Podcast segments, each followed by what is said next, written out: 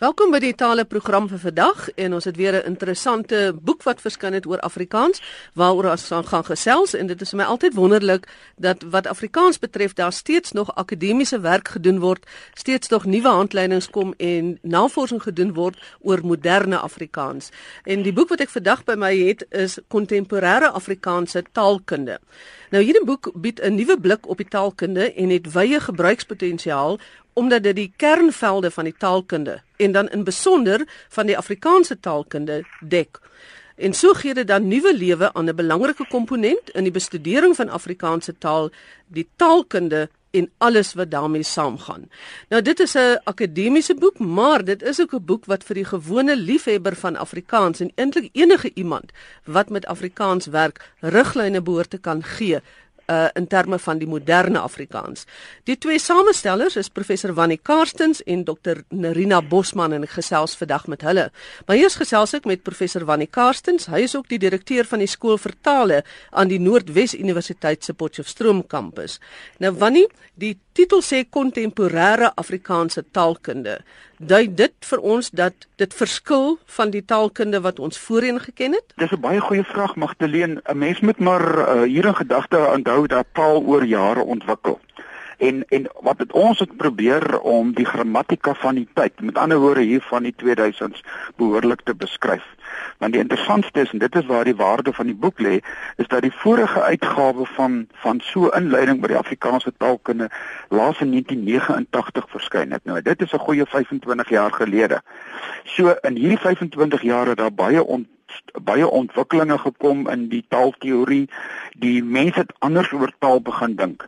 En wat nou gebeur het is hierdie insette, hierdie insigte, hierdie literatuur is alles verwerk in die nuwe boek. Daarom is dit eintlik 'n beskrywing van die Afrikaanse taalkunde soos dit in 2013-14 lyk. Hier is 'n spesifieke hoofstuk wat gaan oor taalverandering.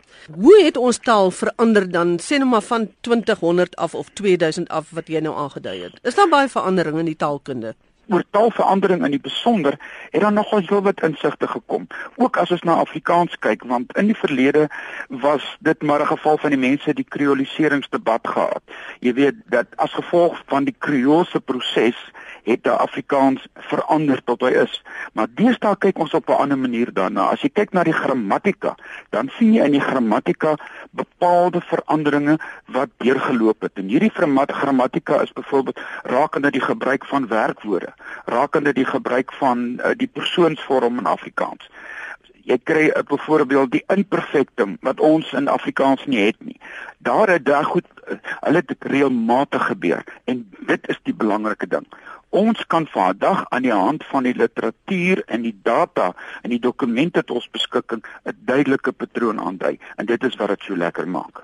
Klankverandering is ook een van die dinge wat wat gebeur het. Ja. Verduidelik vir ons, gee vir ons miskien 'n voorbeeld van hoe dit gebeur het? Klanke het op 'n bepaalde redes gebeur. Een van die redes is 'n half 'n informele taalkunde rede. As jy nou dink toe in 1652 die klomp nedersetters hier in die Kaap gekom het toe hulle uit verskillende lae van die bevolking gekom en heelwat van hulle was dialeksprekers. Nou toe hulle uiteindelik die oorspronklike groepe bymekaar gemaak het, hulle nou op die drie klein skepies na die Kaap gestuur het, was dit nie noodwendig geleerde mense, dit was ook nie geletterde mense nie. En hulle het hier gekom en hulle het hier 'n bepaalde hier in die Kaap 'n bepaalde taal gehad. En die taal wat hulle gebruik het was net vir hulle instrument om met mekaar te kommunikeer. Nou uit die taalkundige oogpunt sê ons gewoonlik as jy taal gebruik om te kommunikeer, gebruik jy hom so goed goed as moontlik. Maar hierdie mense het taal as 'n instrument gebruik om mekaar te verstaan. En onder die omstandighede wat hier was, soos byvoorbeeld mense uit ander taalgroepe wat hier gekom het, die Khoi wat hier was, die San wat hier was, die kontak met die swart groepe, het daar uiteindelik 'n verandering gekom. En 'n goeie voorbeeld is 'n ding soos ons praat van o en in die, en dat het reëlmatig gebeur dat die g in daardie gevalle weggeval het. Dis byvoorbeeld in Nederlands is dit ogen, dit was regen, dit was dagen en daai gevalle. Nou hierdie klanke het reëlmatig weggeval. Nou vir ons as taalkundiges is dit natuurlik verskriklik lekker om na data te kyk en patrone te kry. Want as jy 'n patroon kry, dan kry jy 'n vaste tendens aan taalverandering en hierdie tendens hou verband met patrone wêreldwyd. So jy kan sien sosio-politieke, sosio-historiese en so gewoon sosio-ekonomiese omstandighede het daartoe gelei dat die sprekers van die oorspronklike Nederlandse taal op grond van kontak met ander tale forme begin verander het. En mettertyd het dit 'n nuwe klankvorm geword. Jy het nou verwys na die sosio-linguistiek of eintlik dan nou die invloed, die ja. die sosiale maatskaplike invloed op die gebruik van tale wat ons in Afrikaans spesifiek geweldig baie het.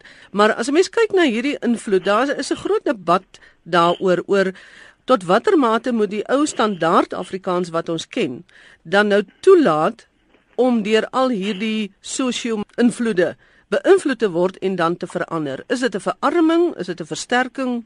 Wat is jou mening? Magdalene is eintlik so ietsie van alles, want wie taal hou letterlik pret met die sprekers wat hom praat en ook die tyd wat hulle praat. As ons nou teruggaan na die 1930s, is nou omtrent so 100 amper nee, is nou nog so 90 jaar gelede. Toe die mense 'n ander vorm van Afrikaans gebruik. Afrikaans was toe nog maar net 5 jaar erken. Jy weet en en hulle was baie sterk gekoppel aan die Nederlandse forme. Nou oor die tyd daarna het die Nederlandse verbintenis al hoe vaar geword. Net om vir jou voorbeeld te noem, dit was in die AWS was dit vir lank een van die basisbeginsels van die Afrikaanse spelling dat die Nederlandse spelling as vertrekpunt gebruik word. In die afgelope 20 jaar is dit nie meer 'n bepaling nie. Ja, ons gebruik gewoon die die spelling van standaard Afrikaans as vertrekpunt en ook die uitspraak van standaard Afrikaans. Wat dis vir jou net sê oor jare het daar 'n verandering gekom. So dit hang saam met die mense se vlak van opvoeding, die areas waaruit hulle kom, dit wat hulle daagliks doen, dit het alles 'n impak op die taal. So die standaardtaal van 20, 30, 40 jaar gelede verskil van die standaardtaal van vandag. En ek het nou toevallig 'n e-pos van iemand uit uit Vlaandere gehad wat vir my sê hy's bekommerd oor wat hulle noem verkawelingsvlaams daar. Dit is eintlik so 'n soort van 'n leksikale dialektiese, eintlik 'n dialektiese tussentaal tussen tussen Nederlands en die dialekte wat hulle in Vlaandere gebruik. En hy sê hy's bekommerd gaan dit in Afrikaans gebeur. Ek weet nie.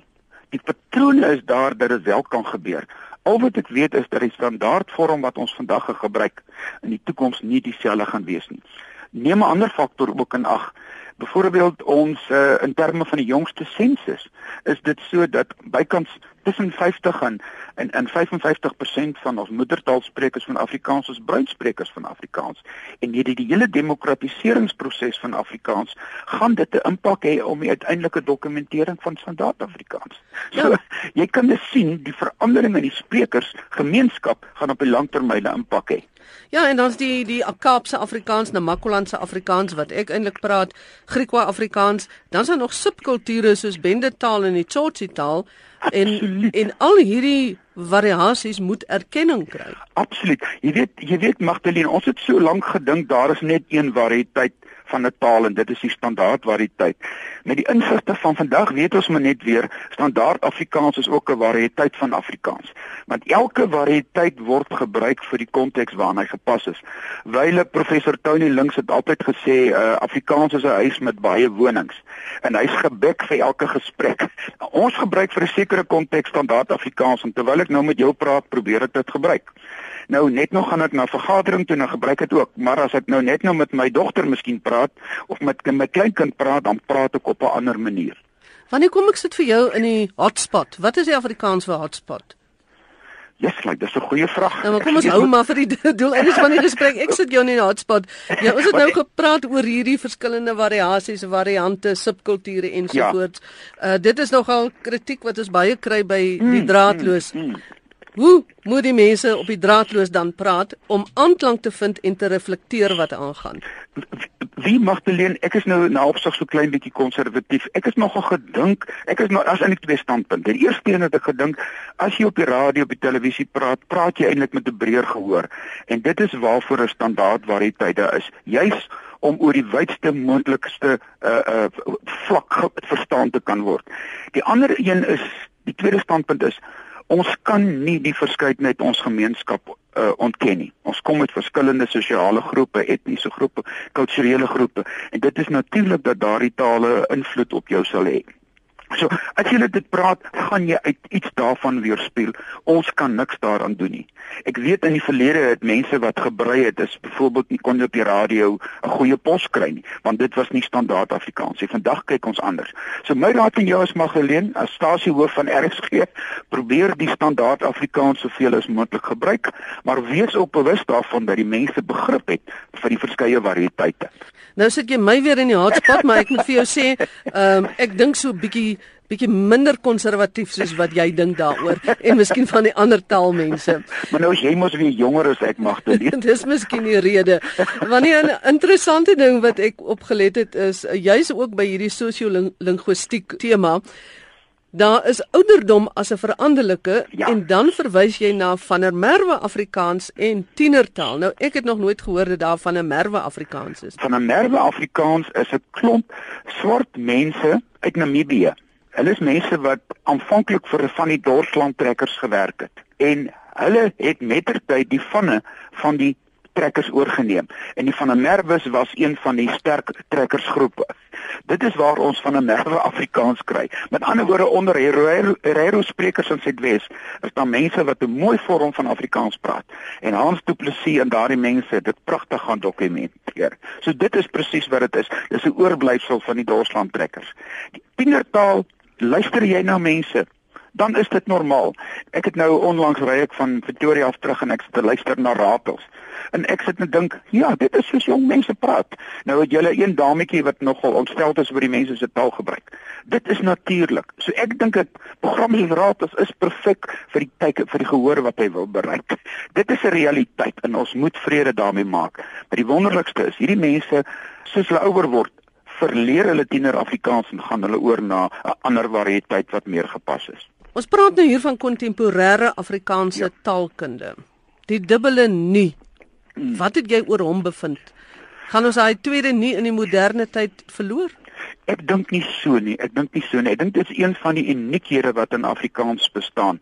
Veral Jacques Conradie wat die hoofstuk geskryf het, het pragtige goed daaroor geskryf hy beskryf hoe hoe dit tot stand gekom het. Jy weet, dit is weer een van daai dialektiese gevalle van dat dit in Middel-Nederlandse dialekte voorgekom het en die mense het net tyd na Suid-Afrika gekom terwyl dit in Nederlands uitgesterf het, het in Suid-Afrika by pos gevat en ons standaardvorm geword. So dit is iets wat Afrikaans uniek onderskei. Jy weet, ek het nou 'n 2-jarige kleinkind Magdalene en nou die dag toe sit sit ek by hom en ek soen hom so op in die kop, op die kop en hy sê vir my oupa moet my nie so lek nie. En al wat my onmiddellik opval, is die tweede nie. Hy gebruik hom intuïtief reg. En ek dink dit is wat die moedertaalgemeenskap doen. Ons leer sekere dinge intuïtief reg. Hoe groter ons sekondêre taalgemeenskap word, dit is ons nie moedertaalgemeenskap. Dit kan op die langtermyn daartoe lei dat uh, dit nie vorm wel onder druk kom. Dit was dan professor Wannie Karstens, direkteur van die skool vir tale aan die Noordwes Universiteit se Potchefstroom kampus. En ons gesels oor kontemporêre Afrikaanse taalkunde. En ek het uh, genoem in my vorige deel van die gesprek dat die mede-samesteller van hierdie boek is Dr Nerina Bosman. Sy is 'n senior lektor in die departement Afrikaans van die Pretoria se Universiteit. En ons gaan ook oor 'n aspek of twee gesels, um, Dr Bosman, en ek wil sommer wegval met die semantiek want dit is ook die gebied waarop jy die kenner is. Wat is die semantiek veranderinge wat julle nou agtergekom het het oor die afgelope tye plaasgevind? Um semantiek is natuurlik nou betekenisleer en daarin kyk ons dan na na spesifiek in die hoofstuk in die boek na leksikale semantiek. So ons gaan kyk na die woorde se betekenisse. Mens kan die veld ook uitbrei en gaan kyk hoe semantiek in sinne, in paragrawe, in tekste hoe betekenis daar tot stand kom maar in ons boek gaan dit spesifiek oor woorde dan. Die woordeskat van 'n taal is die deel wat die maklikste en vinnigste verander. En ons sien dan ook betekenisveranderinge in woorde. Dit is baie algemeen, dit gebeur in alle tale. Afrikaans is dus geen uitsondering daar nie. Wat vir ons interessant is, is eintlik om te kyk hoe betekenisse aangepas word en miskien dan ook te probeer antwoord waarom maar ons sien dit in 'n woordjie byvoorbeeld soos muis wat vir baie lank net die klein soogknaagdiertjie was in in die taal en toe in Engels het daar 'n betekenisuitbreiding gekom sodat die woord muis nou ook verwys na daardie apparaatjie wat ons gebruik by 'n rekenaar. So dis maar een van die soort veranderinge wat ons sien in die semantiese netwerk in 'n taal. Kom ons staan vir 'n oomblik stil by die woord muis. Ons ken dit nou soos jy gesê het as 'n dier. Hoekom sou spesifiek die woord muis uitgebrei het om ook te beteken hierdie ding waarmee jy werk ja. met die rekenaar. Is dit die net die uiterlike voorkoms of wat is dit wat daardie semantiese uitbreiding gebring het? Ja, ek dink dit is die lang stertjie. Persoonlik dink ek dit is wat gebeur het in die vorm wat ook nou miskien soos 'n muisie lyk.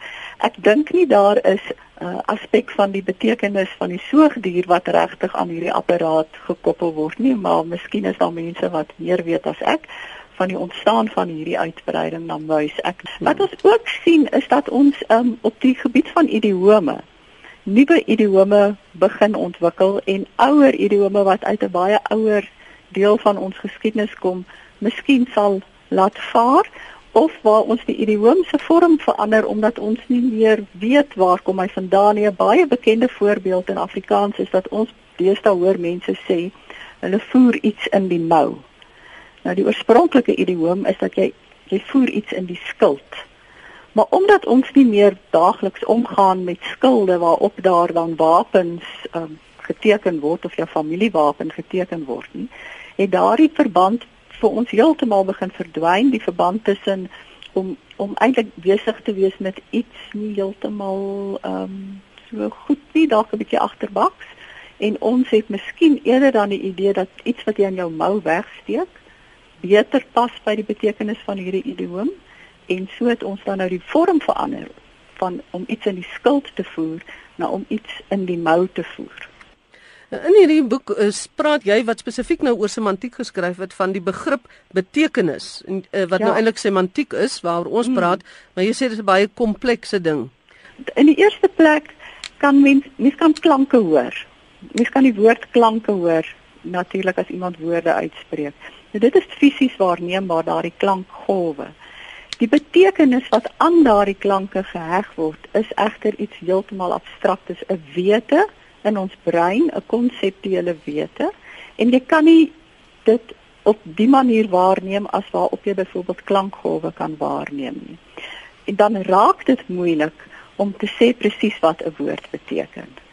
Daar is sekere woorde wat wat vir ons vreeslik maklik is om die betekenis van te verduidelik ander egter is dit nogal regtig moeilik. Leksikograwe um, doen dit op 'n baie mooi en sistematiese manier, maar dit is nie iets wat vir elke mens sommer baie maklik is nie. En dit is nou net om te verduidelik wat 'n woord beteken. Wanneer ons nou die hele semantiek van 'n taal moet beskryf of bestudeer, moet ons nou maniere vind om agter te kom hoe werk hierdie betekenis tot standkoming in 'n mens se brein eintlik? En dit is nie so maklik toeganklik nie. Ek dink dit is deel van die kompleksiteit van betekenis. En dan kom mens ook by die probleem dat verskillende mense verskillende dinge verstaan. So individuele taalgebruikers verstaan onder 'n spesifieke woord miskien nie heeltemal dieselfde as die volgende taalgebruikers. Die semantiek het uiteraard raakpunte met baie ander van die dissiplines in die taalkunde want dit die semantiek is die woord. Al die ander goeters is eintlik daar rondom die woord. Ek wil net gou-gou ten slotte praat oor een aspek en dit is die fonetiek want dit het te doen met die klank wat ja. aan daardie betekenis of semantiek uh, gekoppel word. Ja. Vertel net gou vir ons in uh, die verband tussen fonologie of die fonetiek en die semantiek. Hoe skakel daardie twee? Ja, Magdalene, hierdie verband tussen die klankvorm en die betekenis wat ons daaraan heg dit is in wese waaroor taal gaan en dit is wat kindertjies wat nog nie eers kan praat nie al begin baas raak van die oomblik af dat hulle klankgeluide hoor.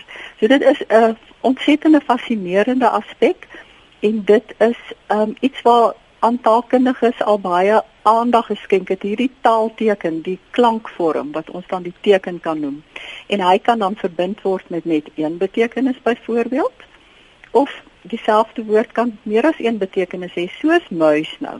En dan kry ons nog homonieme in 'n taal, die twee klankvorme maar, M A A R en M A E R wat twee verskillende betekenisse het. So, ja, klanke moet betekenis hê. Anderster is dit ehm um, gewoon klanke sonder dat hulle taal is.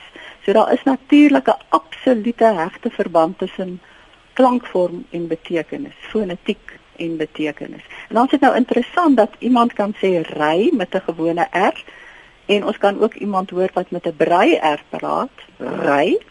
En ons verstaan nog steeds steeds presies dieselfde onder die twee woorde ry. So daardie r en die r maak geen betekenisverskil in Afrikaans nie. Daar is tale waar ehm um, so iets miskien moontlik tot 'n betekenisverskil sou kon lei. So dit is baie lekker om te begin kyk na klankvorm en betekenis natuurlik. Dit dan Dr Nerina Bosman, senior lektor in die departement Afrikaans van die Pretoria se Universiteit en voor haar het ek gesels met professor Wannie Karstens, direkteur van die skool vertale aan die Noordwes Universiteit se Potchefstroom kampus. En ek het met hulle gesels oor 'n boek kontemporêre Afrikaanse taalkunde wat pas verskyn het.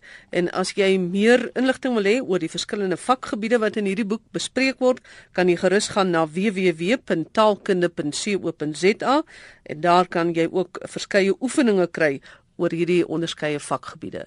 Dankie vir die saamluister. Groete van my Magdalene Creer.